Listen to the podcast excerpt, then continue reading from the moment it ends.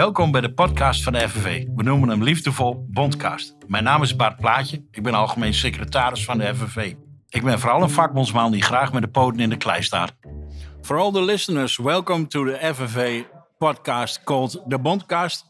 Uh, we're going to do this one in English because I have two guests uh, that are here because our International Solidarity Festival. Uh, one guest is Kain Za, if I'm pronouncing this correctly, and Lizaveta Merliak. Uh, ladies, maybe you can just uh, uh, tell us a little bit about yourself and why it is important that you are here at this festival. Uh, Khaing Zar, can you talk, talk a little bit how about, about who you are and where you're from? And yeah. Uh, I am Khaing Zar Aung. I am the president of Industrial Worker Federation of Myanmar. And uh, Myanmar, uh, I, I, I, I am a trade unionist. I work full time for trade union for 17 years already. Yeah, now Myanmar is uh, under military dictatorship. Yeah. So yeah, we I am uh, working for the international lobby uh, for Myanmar. Actually, I'm getting the solidarity action from the international trade unions. Yeah, yeah. Clear. Thank you very much, Lizaveta. Yeah, and um, I'm a Belarusian trade unionist and also an extremist. I'm considered to be an extremist in Belarus because in Belarus at the moment we are also a dictatorship. Um, all trade union activities are considered to be extremist activities. I, I I'm would also- say this this would be surprising to a lot of listeners from this podcast because you don't seem to uh, like an extremist, and somebody who's active for a union should not be an extremist, of course. Yeah, we actually had a solidarity campaign with LabourStart, which was called uh, uh, Unionism is Not Extremism. Uh, it was quite successful. It collected about 7,000 uh, uh, uh, signatures under this petition, and it was sent to the to the government of Belarus to show that uh, the workers all over the world actually don't uh, consider union work as uh, extremism. Yeah, beautiful. Um, the first thing, I'm, I'm just going to start off with it now. Are you in any danger when you're doing your work, Khaing Zar? Uh, I, I, I apparently I have uh, arrest warrants against me, and uh, my passport was cancelled by the military dictatorship. I was in Germany when the coup happened, so I I'm uh, closely involved every day from online uh, the activity inside. So we don't we announced we don't accept the the military coup in uh, February 2000, first of February 2021, and uh, we say we don't want we don't work with them, and uh, we withdraw from the tripartite mechanism, and we organize our workers to join to to do the demonstration against the coup. Yeah. So because of our action. So all the trade union leaders has an arrest warrant, including me. Really? So that's why I'm uh, from the Germany. I could not go back to Myanmar, and I have to seek political asylum in Germany. So I'm from Germany. I'm daily based uh, working with our people inside, and also working for the international advocacy. I, I can imagine, and, and I, don't get, I imagine uh, same thing in, in Belarus, but I'll get to you. Um, I can imagine this is a double drama because you can't you can't go home, and people who are in the union in Myanmar and are pre- pretty much in direct danger. Could I say that? Yes, uh, many of our members were arrested. Some got killed during the demonstration, and some are in hiding. Many are in hiding, and the our member from the workplace workplace labor who organize a demonstration at their own workplace, they are in danger. So all of them are in hiding. We also have a re- remaining member in the uh, workplace in different sector Yeah. but they are also under threat. The the employer, the as the the the our members, they are they stay operating. And the military officers are also calling our members, are they stay working with the trade union federation? Do you have a contact with the leadership? Yeah. So and uh, our member do not dare to say we are stay in contact. Yeah, So that's course. why that's what- at the time the, our member were asked to return their registration uh, certification to the labor office. Yeah. Um, yeah. So, and then also another threat is that if they, the workers, our member, communicate with us, the employer told them they will contact to do the military and ask them to arrest the workers.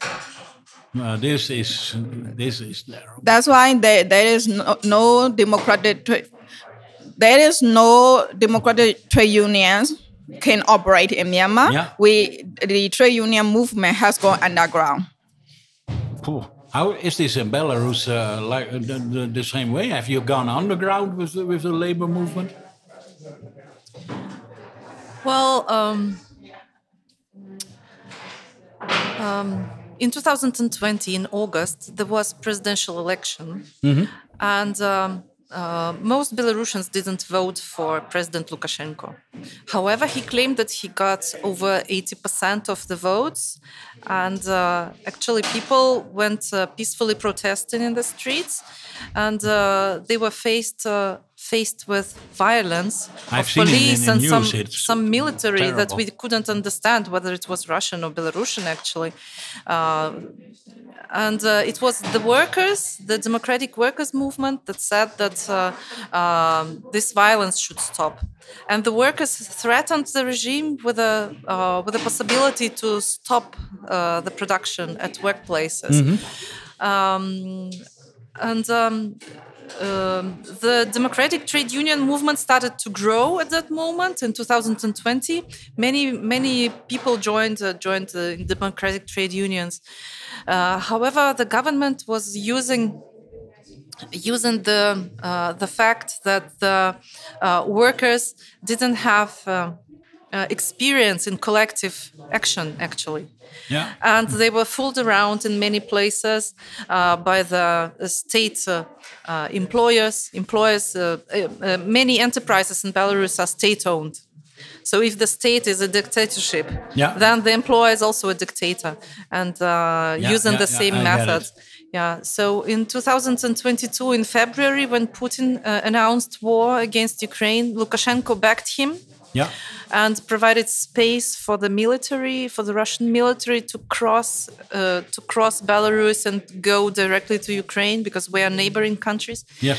Uh, and workers started protesting again, workers and uh, civil society activists. But uh, from 2020 to 2022, the state was uh, smashing the civil society organizations. And actually, the trade unions, the independent trade unions, were the only, nearly one of the only remaining uh, civil society organizations. And we announced that uh, we, as representatives of workers, are against the war in Ukraine Yeah. and that we are against um, Russian military staying in Belarus. And straight after that, uh, there were mass arrests of trade union leaders and trade union activists in Belarus. Whoa. And after that, uh, I was also arrested, but but released. Uh, I also had to. How was uh, this experience to, to, to, get I also arrested? had to um, escape uh, from Belarus and to to go to Germany, and we are in Otherwise, exile it wouldn't in be Germany. safe anymore. It's not safe anymore, and uh, uh, we were lucky to have all the solidarity possible from Yeah. the international workers movement and from the, from the German colleagues as well. And um, uh, we happened to evacuate seven families of uh, trade union leaders um, to Bremen. It's it's it's a city in northern Germany. Yes, I know. Um, yes. And um, now we settled uh, an association called it Solidarnost, which is solidarity in Belarusian. Yeah. And we're supporting the uh, uh, the workers from exile yeah. We yeah, can also got say it. that uh, that it's very very dangerous for workers to show any um, uh, any relation to independent trade union movement. Um, there were many arrests recently when workers were taken from their workplaces handcuffed by military. No, yeah, man, so it's- it's really really dangerous. Yeah. You know, uh, the thing is, every time when a dictatorship shows up in a country, the first thing they do, if there's a totalitarian regime, the first thing they tend to do is try and destroy the unions. Yes. And I, I think it is because a union is the most democratic thing we uh, uh, uh, a human being can form. So if democracy is not allowed, the first thing they have to crush. Yeah, Yes. of course. Imagine Yeah. we spent most of our life at workplace. If we have no democracy there, then Yeah, we don't true. have it anywhere. Yeah, you you work more hours in a day than you go to sleep. Yeah. So if there's any power for people themselves, it's in the workplace. It's true.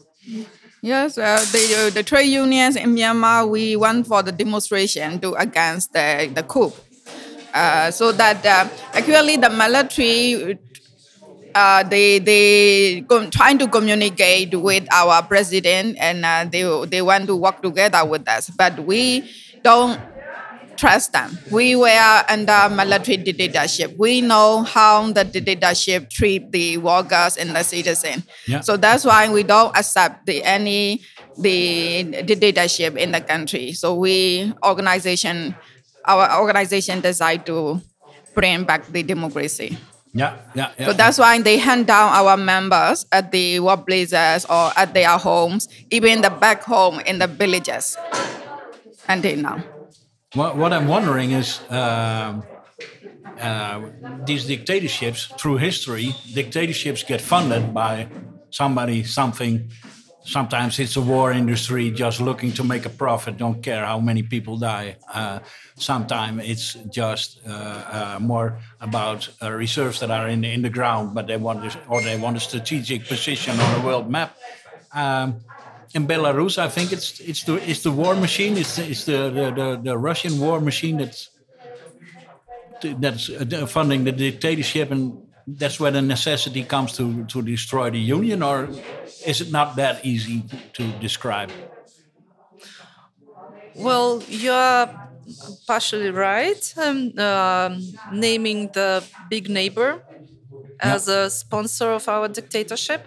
Yeah, Yeah, and the dictatorship is sucking all the financial, all, all the resources from the society, from its own people, from the Belarusian people. Um, and um, um, what kind we of could have we could have we, we could have brought changes to the to the country uh, much more easier uh, if there was no such a big brother close Uh-huh. to Belarus. I Yeah. mean Russian Federation, Russia and Putin is nowadays president and uh, Mm-hmm. a big dictator. Uh, who is also uh, destroying the civil society in uh, in that country too, and silencing it, uh, naming everyone enemies of the state or uh, foreign agents or whatever they're called, foreign Yeah, yeah, agents, yeah, I think, right?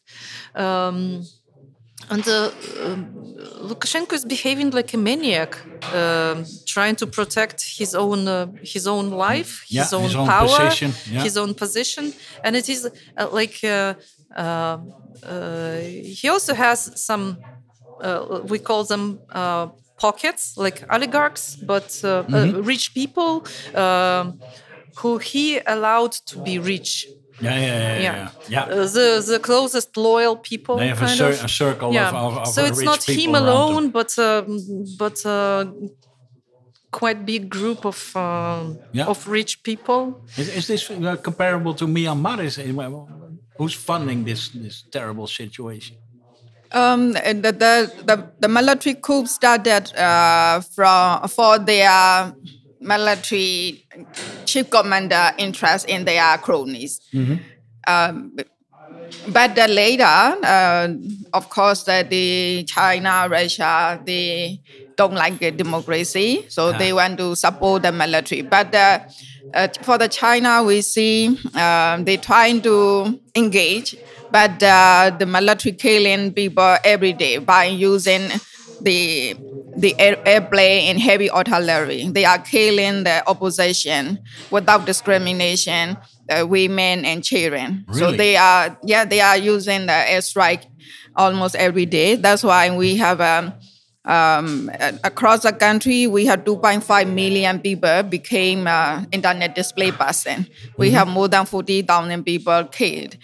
And um, the, the Russia also now the Russia and Myanmar now getting closer, and the Russia said that they support the military election. The military Myanmar military is uh, planning to hold the election very soon, but we are saying this election is a shame election and illegal. So that no government should uh, uh, accept and support the election. But China, they openly said that they support, they are supporting the election, and also um, Myanmar agreed to have uh, the nu- nuclear bidding by the Russia. And now uh, we also see they are ne- talking about Myanmar is uh, Myanmar will use the Russia currency in Myanmar, something like that. They are trying to get closer and work together.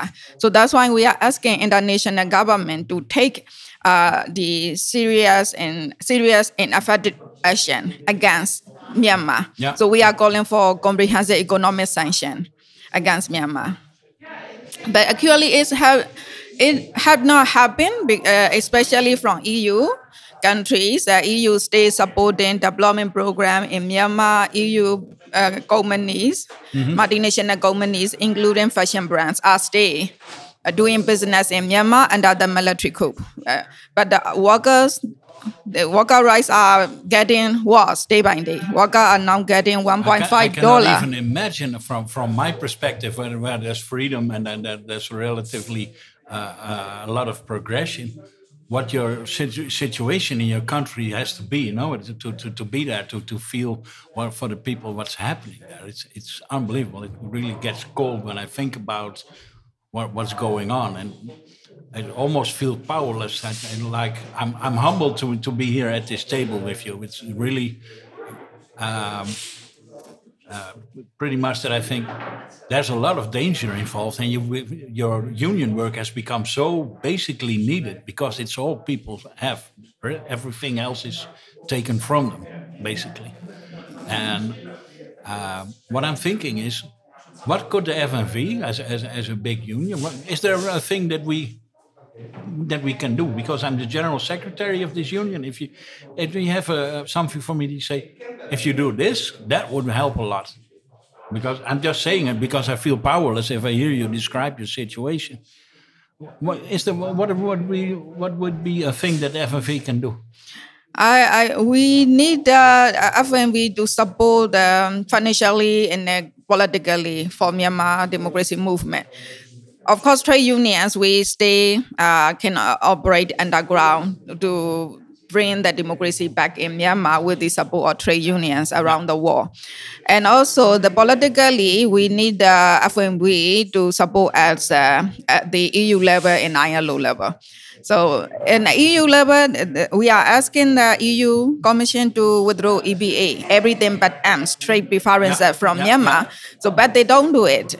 The gov- they are also funding the uh, development program and also decent work program in the government sector, which is uh, nonsense. And uh, their program is harmful to our workers. So we have to Okay. stop. We have to ask the EU Commission to stop the program, this program from Myanmar, Yeah. so that the FNV need to discuss with our, your the government, so that the, your We government have to help build pressure on Yes, them it- stopping this this program. Yes. I get it. Yes. Yes, and also uh, at the ILO, we need the ILO to decide the effective, uh, serious uh, resolution for Myanmar, like uh, Belarus. We, we we have in Belarus in this year, so we are asking ILO uh, to. d- have a resolution on Article 33. All the ILO member states should stop their relationship Myanmar. Yeah. Okay. Very clear. Thank you. Is there a thing that the FNV can do for Belarus? yeah, sure. and FNV is already doing a lot, actually. Yeah. As I said today, uh, we have political prisoners in Belarus, and among more than 1,500 prisoners, there are 50 who belong to the unions, who are union members. Can you and repeat that union. one, those numbers? Yeah, in Belarus, there are more than 1,500 political prisoners at the moment, and 50 of them And trade unionists. Trade unionists, mem- members, activists, and leaders. Among them is even the uh, the president of the Belarusian Congress of Democratic Trade Unions, um, Alexander Yarashuk. He's 71. Uh, he's uh, he has been recently transferred from a penal colony where he could enjoy sun, sunshine uh, to a prison where he would be kept in a in a cell actually. No, and um, he's not just a chairperson of a union. He's at the same time vice chair, vice president of the International Trade Union Confederation (ITUC), and also a, a member of the governing body of Yeah. the International Labour Organization. So Yeah. you see that the the, the the the dictator doesn't care who he keeps in prison. Yeah. Yeah. So Very clear. um, yeah, we have to support those 50 comrades and their families while they're uh, in in prison. Yeah. There are men and women among them, old people and young people, uh, parents with three children, and uh, we thank we, we thank the FNV that uh, uh, you are. Um, starting a, uh, a support project with us to support those. Yeah. families and support those comrades of ours who used to be political prisoners but are released. And just imagine they're released from a prison uh, in a country where they don't have a job, where they don't have, in some cases, the families are ruined already. Yeah. Yeah, so uh, we are uh, launching this project together um, to show our comrades that unions really matter. I got it. That Yeah. unionism is not This extremism, is what that we it can is do, support. even for people Yeah, who yeah. have lost pretty much everything.